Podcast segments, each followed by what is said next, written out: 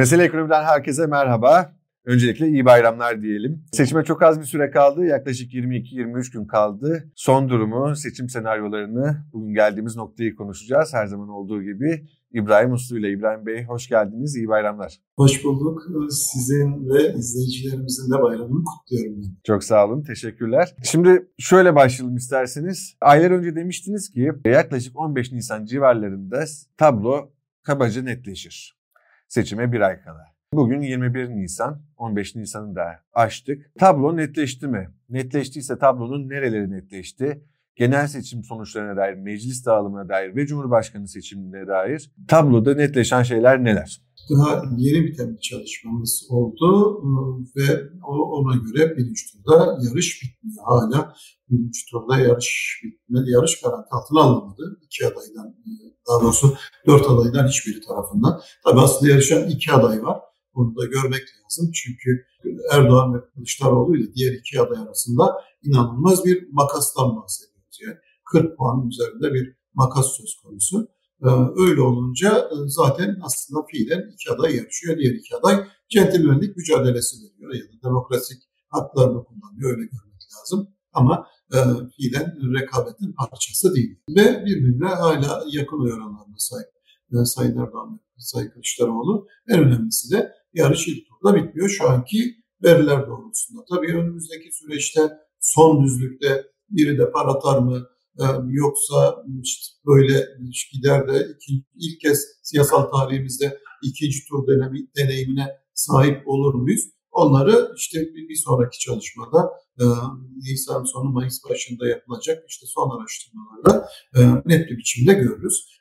Fakat e, evet bu tahmin edildiği gibi Muharrem İnce'nin oylarında gerileme var. Memleket Partisi'nin oylarında gerileme var.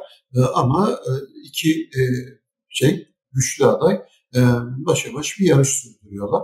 Bu da bize bizim aslında e, şey Cumhurbaşkanlığı seçimleri tarihimize baktığımızda bir ilk yaşanıyor. Çünkü bundan önceki seçimlerde e, Erdoğan'ın yakın rakibine 20 puan e, ya da iki katı falan neyse farklar atarak önde başlıyordu ve önde bitiriyordu. Birinde e, işte Ekmelettin İhsanoğlu 38, Erdoğan 51 civarında bir oy almıştı. İkincide Muharrem İnce 30 civarında bir oy, Erdoğan 52 buçuk civarında bir oy almıştı. Yani her seferinde farklar 20 puanlar falan civarındaydı. Şimdi öyle değil. Başa baş bir yarış var ve birinci turda kimse bitiremiyor. Parlamentoda Parlamentoya geçmeden önce kısaca şunu sorayım. Şu anki haliyle tahmin edildiği gibi seçime çok az bir süre kala sandığa gidildiğinde Muharrem İnce'nin oyu şu anki seviyelerin çok altına inerse birinci turda bitme ihtimalini görüyor musunuz? Tabii tabii o zaman o şey otomatik olarak bitiyor. Çünkü e, işte bir şey e, bir aday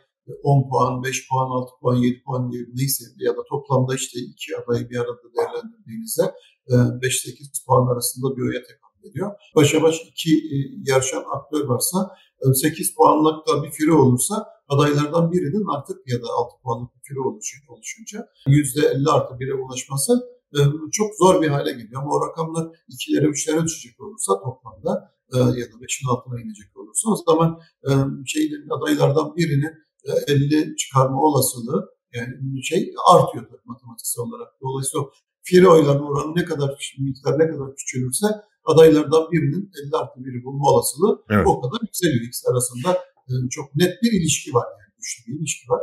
Şu an için bayram öncesi dönemde benim gördüğüm ki kampanyalar başladı. E, milletvekili listelerine tepkilerin olduğu, e, henüz seçmenin bunu e, özellikle bir şeyle Millet İttifakı'nın listelerine bir reaksiyon vardı. Biliyorsunuz o tartışma yaşandı. Evet artık eskisi kadar güçlü tartışılmıyor ama bazı seçmenler nezdinde belli ki o tartışmalar iz bırakmış. Bu izler şeye seçme kadar devam edecek mi? Sandık kabinine kadar devam edecek mi? Yoksa bir nokta gelecek ve e, yani konu başka bir konu. E, daha büyük meseleler var ülkenin. Tek bir aday e, şeyin seçilecek olması olmamasından mağda e, ya da onun öncesinde önemli sorunlar var. O yüzden o sorunları baz alarak oy verelim diyecek mi CHP seçmenlerinin bir kısmı.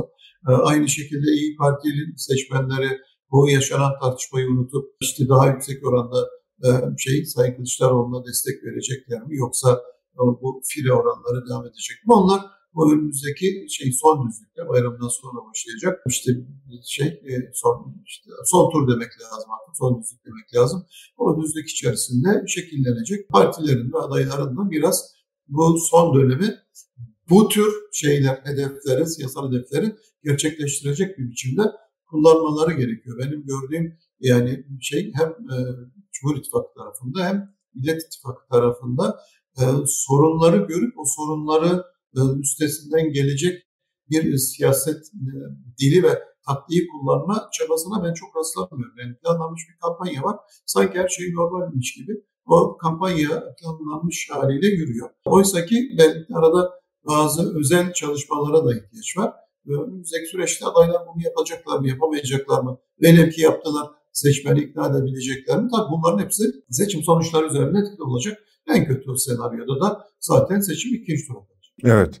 Ee, yani son zamanlarda özellikle muhalefet cephesinde kampanyanın beklenenden daha sakin gittiği ve e, sokakta o istenilen coşkuyu, o hayati seçim öncesindeki heyecanı, dinamizmi getirince e, yaratamadığı eleştirileri var. E, siz de sanıyorum biraz bunun altını çizdiniz. Bunun kampanyayı da tekrar konuşuruz ama isterseniz önce parlamentodaki e, netleşen duruma bakalım. Neler neler netleşti? Hangi noktalar artık neredeyse netleyebiliriz? Parlamentoda Millet İttifakı'nın bir avantajı görünüyor. E, fakat e, işte bayramdan sonra oturup artık e, çeşitli yöntemlerle, modeller kullanarak bu simülasyonlar falan yapmak lazım. Onları yapacak vakit kalmamıştı. Orada parlamentodaki dağılımı göreceğiz. Yani evet dediğim gibi Millet İttifakı daha avantajlı görüyor, görünüyor. Hem oy oranları itibariyle hem de bu ittifaklar nedeniyle çünkü Cumhur İttifakı her ilde birbiriyle rekabet ederken Millet İttifakı bir kere şey beş parti birbiriyle rekabet etmiyor. İyi Parti ile geri kalanlarda bazı yerlerde birbiriyle rekabet etmeyecek, bazılarında edecek. 16 ilde rekabet etmeyecekler. Orada tek listeyle çıkacaklar. Ee, geri kalan seçim çevrelerinde e, bir rekabet söz konusu olacak. Dolayısıyla e, evet bu yeni seçim kanunu gereği bazı oylar e, ister istemez çöpe gidecek. Yani milletvekili hesabına dahil edilemeyecek ama Cumhur İttifakı'nda bu oran çok daha yüksek olacağı için her durumda Millet İttifakı'nın e, bir şey doğal avantajı olacak. Bu e, beş partinin bir arada yarışa giriyor olması nedeniyle. Ama simülasyonların e, yapılması lazım bu yeni duruma göre ve orada milletvekili tahminlerini zaten bu şey böyle net bir biçimde 302 milletvekili çıkaracak falan şekilde tahmin etmek çok zor tabii. Onun için tabii. 87 seçim çevresinde araştırmalar yapmak lazım. Olmadığı için çeşitli tahmin modelleri kullanarak işte bir aralık içerisinde e, şey e, milletvekili tahminleri yapılacak. Daha önceki şey yani bu ittifakların şekillenmesi öncesinde e, aşağı yukarı iki ittifak birbirine yakın 250-270 arasında milletvekili çıkarıyordu. E, şimdi tablo ne oldu falan onu bakıp görmek lazım. Evet ama yakın zamanda yapılan birçok araştırma Cumhur İttifakı'nın meclisteki çoğunluğu elde edemeyeceği e, kanısında bulgular onu gösteriyor gibi sanırım e, siz de buna yakın bir sonuç. Tabii tabii ben de o kanaatteyim. Şimdiye kadar hiçbir zaman zaten e, şey e, 300'ü falan bulamadı. E, hiçbir zaman bulamadı. Dolayısıyla bugünden sonra evet. 300'ü bulma olasılığı yok Cumhur İttifakı'nın. Evet yani netleşen şeylerden bir tanesi çoğunluğu muhalefette olacağı. Evet çoğunluk görünen o ki muhalefette olacak. Yani birinci en fazla milletvekili Millet İttifakı'nda olacak.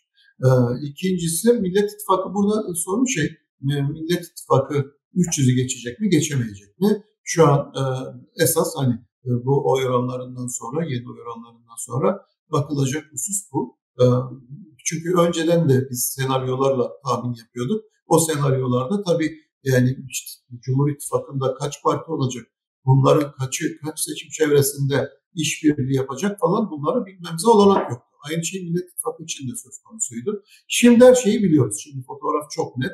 Ee, mesela Hüdapar'ı, e, DSP'yi falan filan hayatta düşünemezdik. Yani bunlar bir ay, iki ay önce e, şey AK Parti'nin ortak listeyle gireceği ya da Büyük Birliğin ayrı listeyle girmesi yeni bir durum falan. MHP'nin hiçbir ilde e, işbirliği yapmaması, yeniden Refah'ın ittifak ortağı olup ama aynı zamanda da ortak liste şey içerisinde olmaması falan.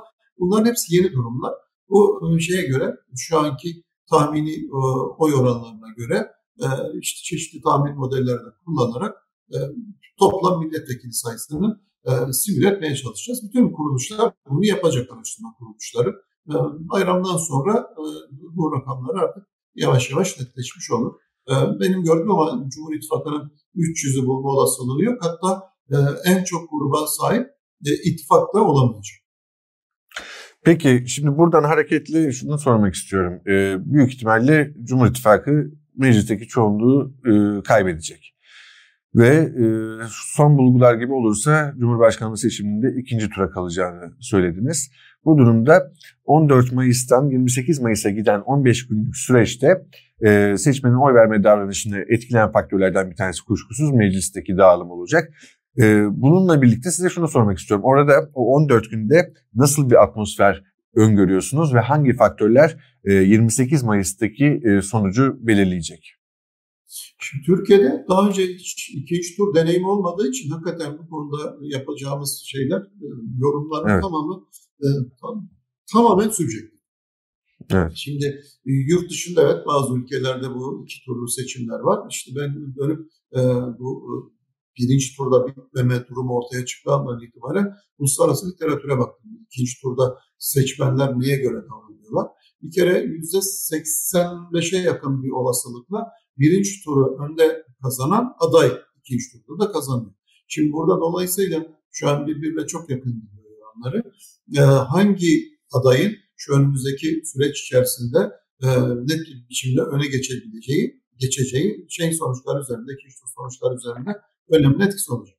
Sayın Kılıçdaroğlu diyelim ki senaryoyu şöyle kuralım. Sayın Kılıçdaroğlu Erdoğan'ın 2-3 puan önünde bitirdi, 4 puan ya neyse bilmiyoruz ama net bir biçimde önünde bitirdi. Ve parlamentoda da Millet İttifakı e, çoğunluğu elde etti. 300 artı 1 olmasa bile diyelim ki Cumhur İttifakı toplamda 250'de kalırken Millet İttifakı 280'e çıktı. Bu rakamlar tamamen şey yani örnek olsun diye evet, kullanılan evet. rakamlar. Tahmin de değil. Sadece örnek olsun diye verdiğim rakamlar söylüyorum. Şimdi bu durumda ikinci turda e, Sayın Kılıçdaroğlu'nun çok büyük bir avantajı olacak. Niye? Çünkü daha çok milletvekili var. İlk turu da önde bitirmiş. Bu şey dünya deneyimine baktığımızda Sayın Kılıçdaroğlu'nun kazanma olasılığı yüzde 85'lere falan çıkıyor. E, tersi olursa e, yani rakamları geri değiştirir. Bu sefer Sayın Erdoğan ikinci turda kazanma olasılığı elbette yükselir. Burada esas sorun e, işte e, şey e, Erdoğan Cumhurbaşkanlığını diyelim ki bir puan önde bitirdi ama milletvekilliğinde de Millet İttifakı Cumhur İttifakı'na 20 milletvekili fark attı. Şimdi bu durumda ne olacak? Şimdi seçmen bu, bu senaryoyu hiç bilmiyoruz. Çünkü dünyada şey buna dair ben en azından bir veri görmedim. O, hakikaten herkes için seçmenler için de zor bir karar olacak. Parti sadakatli olan seçmenler için sorun değil. Onlar gidip zaten e, şey hangi parti destekliyorsa oraya oy veriyor. Ama ortada olan yani e, sonunda hani istikrar olsun, kriz de çıkmasın, ülkede yönetilebilir olsun, seçim e, kaos yaratmasın diye kaygılar olan seçmenler açısından bu fotoğraf biraz daha kafa karıştıracak. Yani biz şey e, birinci tur bittiğinde e, yine e, hay Allah acaba şimdi ne olacak şeklinde kara kara düşünüyor da olabiliriz. Çünkü e, şeyde yani Cumhurbaşkanlığında ve parlamentoda net biçimde öne olan, önde olan evet iki üç turda avantajlı olacağını biliyoruz ama birinde biri ötekinde diğeri önde olursa ne olacak? Ona dair hakikaten bir fikrimiz yok. O zaman işte kampanya dönemindeki performans vesaire falan son 15 günde kim kimi destekleyecek bu e, şeyler, ittifaklar, siyasal stratejiler e, vesaireler e, herhalde ön plana çıkacak. O yüzden de böyle evet. son ana kadar çok heyecanlı bir yarış olma olasılığı muhakkak evet. Şey, yüksek görünüyor bu hem evet. birinci turun hem de muhtemel ikinci tur. Yine bu, bu seçime yürek dayanmaz diyeceğimiz türden e, günler geçireceğiz sanırım. E, son olarak şunu sormak istiyorum İbrahim Bey. E, Bayramda biraz bile bahset... bunları konuşuyoruz yani durumla evet. o derece. Durumu buradan çıkarsayabiliriz. Doğru. Kesinlikle. E, demin de değindik kampanyalara özellikle de muhalefetin kampanyasının biraz daha beklentilere göre daha sakin ilerlemesine. Bunu sormak istiyorum yani siz sonuçta siyasal iletişim uzmanısınız. Ee, bir taraftan birçok avantajı vardır Millet İttifakı'nın hem altı partiden müteşekkil olmasından ötürü hem de işte Kemal Kılıçdaroğlu'nun yanı sıra Ekrem İmamoğlu ve Mansur Yavaş'ın da olması, keza işte Meral Akşener ve diğer parti liderleri gibi etki alanı e, geniş liderlerin eş zamanlı olarak bir e, kampanya yürütmesinin avantajlarından daha öncesinde konuşmuştuk. Bu avantajlara rağmen e, birçok yorumcu işte yeterli heyecanın yakalanamadığı, o dinamizmin olmadığını, o bu kadar kısa bir süre kalmışken bu hayati seçime daha güçlü bir kampanya yürütülmesi gerektiğini zikrediyor. Siz buna öncelikle katılıyor musunuz? Bunu sorayım. Eğer öyleyse e, eksikler, yanlışlar neler ve e, önümüzdeki günlerde bunu telafi etmek için neler yapabilir? Şimdi şey kampanyaların e, Ramazan boyunca biraz daha düşük yoğunluklu e, olacağı tahmin ediliyor. Niye? Yani siz e, çok coşkulu bir kampanya yürütmek isteseniz bile muhataplarınız, yani seçmenleriniz de mecal, mecal olmuyor. Bir sürü faaliyeti zaten yapmakta zorlanıyorsunuz falan. Gerek açık hava toplantılarını, gerek akşam yapılacak kapalı hava salon toplantılarını falan yapmakta zorlanıyorsunuz. Niye? Sonunda iftardır, teravihtir vesaire falan e, şeyi bölüyor, e, günü bölüyor. Öyle olunca belki bu e, bayramdan sonraki dönemde alıştığımız tarzda güçlü kampanyalar olabilir. Fakat kampanya tasarım dizayn konusunda da benim gördüğüm taraflar sorunlar yaşıyorlar. Şimdi bu bayram öncesi haftada bu hafta asılan billboardlara bakıyorsunuz. Şimdi Cumhur İttifakı'na diye bir billboard var. Sayın Erdoğan'ın, Sayın Bahçeli'nin fotoğrafı var işte vatan sevgisi, zor iş falan gibi bir slogan var. Şimdi tam sloganı hatırlamıyorum. Dibinde de Cumhur İttifakı yazıyor. Şimdi dibinde Cumhur İttifakı'nı koyduğunuz anda e, bu eskiden kalan alışkanlık. Ve Cumhur İttifakı iki partiden oluşmuyor, iki liderden oluşmuyor. Yani e, şu an için e, şey e, altı tane değil mi yanlış saymıyorum. E, altı tane lider var e, şeyde e, Cumhur İttifakı'nda. Evet altı, altı doğru. liderin fotoğrafını kullanmıyorsunuz. Sadece ikisini kullanıyorsunuz. Şimdi bu durumda e, o diğer dört partinin seçmenleri acaba nasıl hissediyor kendilerini o şeyleri, billboardları gördüğünde. Şimdi orada da bakıyorsunuz ki bu e, şeyler, bu partilerin kampanya e, makinaları e, işte kendi bir, bir tane parti var. Partinin adayları var. İşte başbakan adayı var. Neyse ya da bir cumhurbaşkanı adayı var bir önceki seçimde. Dolayısıyla onu anlatan kampanyalar yürütüyorlar. Ama böyle 6 parti, 5 parti ya da işte partiler hem müttefik hem rakip. Mesela şimdi bu o billboardları e, şeyin MHP ile AK Parti'nin güçlü biçimde rekabet ettiği iller var. Yerel seçimde işte 11 evet. il belediyesini MHP AK Parti'den almıştı. Şimdi o illerdeki seçmenleri düşünün. AK Parti'yi beğenmediğinde MHP'ye gidiyor. Yani MHP AK Parti'nin alternatifi. Sadece müttefiki değil. Cumhurbaşkanlığında evet ortaklar ama milletvekilliğinde kıyasıya rekabet ediyorlar. Bu billboardlar oraya astığımızda şimdi AK Parti seçmeni ya da MHP seçmeni, MHP oy vermek istemeyen e, MHP'liler, AK Parti oy vermek istemeyen AK Partililer falan ne düşünecekler falan. Şimdi bu evet. kampanyaları dizayn etmek gerçekten şey, sıkıntılıydı. E, böyle beş partinin, altı partinin bir arada olduğu e, bir kampanya yönetim deneyimi de. Bunu da yeni yeni deneyimliyorlar. Benim gördüğüm biraz sorunlar buradan kaynaklanıyor. Ee, şimdi İyi Parti mesela seçimden önce seçim beyannamesini açıklıyor. Şimdi sanki parlamenter sistem içerisindeyiz. Ee, İyi Parti'de işte başbakanlık için yarışan partilerden biri ve kendi seçim beyannamesi var. Şimdi o konteks içerisinde çok anlamlı. Ama şimdiki konteks içerisinde, bağlam içerisinde bir seçim beyannamesi açıklamak bir parti açısından çok garip bir durum. Niye? Çünkü sizin zaten ortak bir hükümet programınız vardı. Onu açıklamıştınız. Ocak ayında mı, Şubat ayında mı ne bir şey bir yerde büyük bir törenle Ankara'da açıklanmıştı hatırlayacaksınız. Evet. Ee, o işte ortak politikalar metni falan gibi. Çok güzel bir törendi. Ve altı partinin sözcüleri çıktı onu e, sundular falan. İşte 2400 maddelik bir, bir politikalar sepeti var. E, işte denildik ki o zaman işte iktidara gelecek olursak ortak e, hükümet programımız bu. Bunu yapmayı vaat ediyoruz altınması olarak. E, ya da Millet İttifakı olarak artık o dönemde isimler Millet İttifakı olmuştu. Güzel tamam. Şimdi o 2400 maddelik seçim beyannamesini biz aldık, okuduk, kafamıza yazdık, onları bekliyoruz. Şimdi İyi Parti ama yeni bir seçim beyannamesi de açmıyor. Nasıl yani şimdi bu, bu buna uymayacak mı? Parlamentoya gittiğinde ne yapacak? Ama aynı zamanda hükümetin parçası, hükümetin ortak metni var. Zaten parlamentonun şeyi de yok. Yani yürütme etkileri de yok falan. Nasıl olacak bu durumda? Şimdi bunların hepsi kafa karışıklığı yaratıyor. Eleştirmek için söylemiyorum. Ama benim gördüğüm partilerde de kafa karışıklığı var. İletişimcilerde de kafa karışıklığı var. Seçmende de kafa karışıklığı var. Ee, öyle olunca da e, işte, evet bir kampanya yürüyor. Birilerine oy vereceğiz falan ama böyle çok da e, hani şeye e, tam e, damardan e, hedefe çok odaklanmış insanları e, şey e, çok güçlü biçimde sarsan yakalayan e, etkili kampanyalar üretilemedi. Bu biraz da deneyimsizlikten kaynaklanıyor.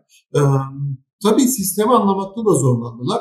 Benim gördüğüm özellikle işin reklam tarafında olanlar e, bu yeni sistemin gereklerini, ittifakların doğurduğu durumu derinlemesine analiz edebilecek bir siyasi müktesebata da sahip değiller. Evet, iletişim biliyorlar ama bu siyasetin e, içinde bulunduğu durumu analiz etmek, orada seçme psikolojisini analiz edebilmek e, ayrı bir şey, yetkinlik. Süreç içerisinde bunlar gelişecek ama ben bu geri kalan günlerde belki kampanyaların yoğunluğunun artabileceğini, e, evet. daha büyük, daha geniş katılımlı mitinglerin ya da etkinliklerin olabileceğini, işte partilerin televizyon faaliyetlerinin, reklam faaliyetlerinin işte ya da outdoor etkinliklerinin daha da yoğunlaşacağını falan tahmin ediyorum. Ama bunlar mesela tırnak içerisinde coşkun ve güçlü kampanya anlamına mı geliyor? Yoksa şey mi hani verimsiz çabalar mı falan bu ayrıca tartışılabilir.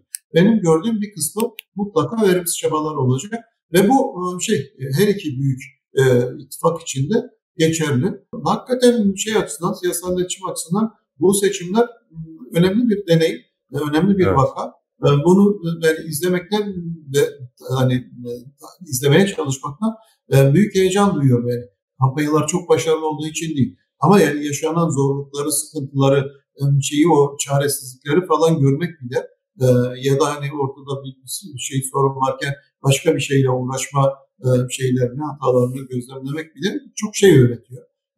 O yüzden bu siyasal iletişim işiyle ilgilenen herkes bu seçim deney döneminden çok şey öğrenecek ve ben en azından e, bu, bu dönem yarış bittiğinde e, biraz daha zenginleşmiş ve gelişmiş olacağını düşünüyorum. Evet.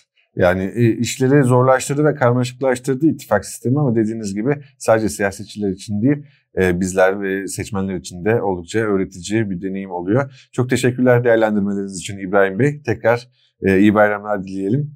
Çok sağ olun. Hoşçakalın, iyi bayramlar. İbrahim Uslu'yla son verileri ve seçim senaryolarını konuştuk. İzlediğiniz için teşekkür ederiz. İyi bayramlar.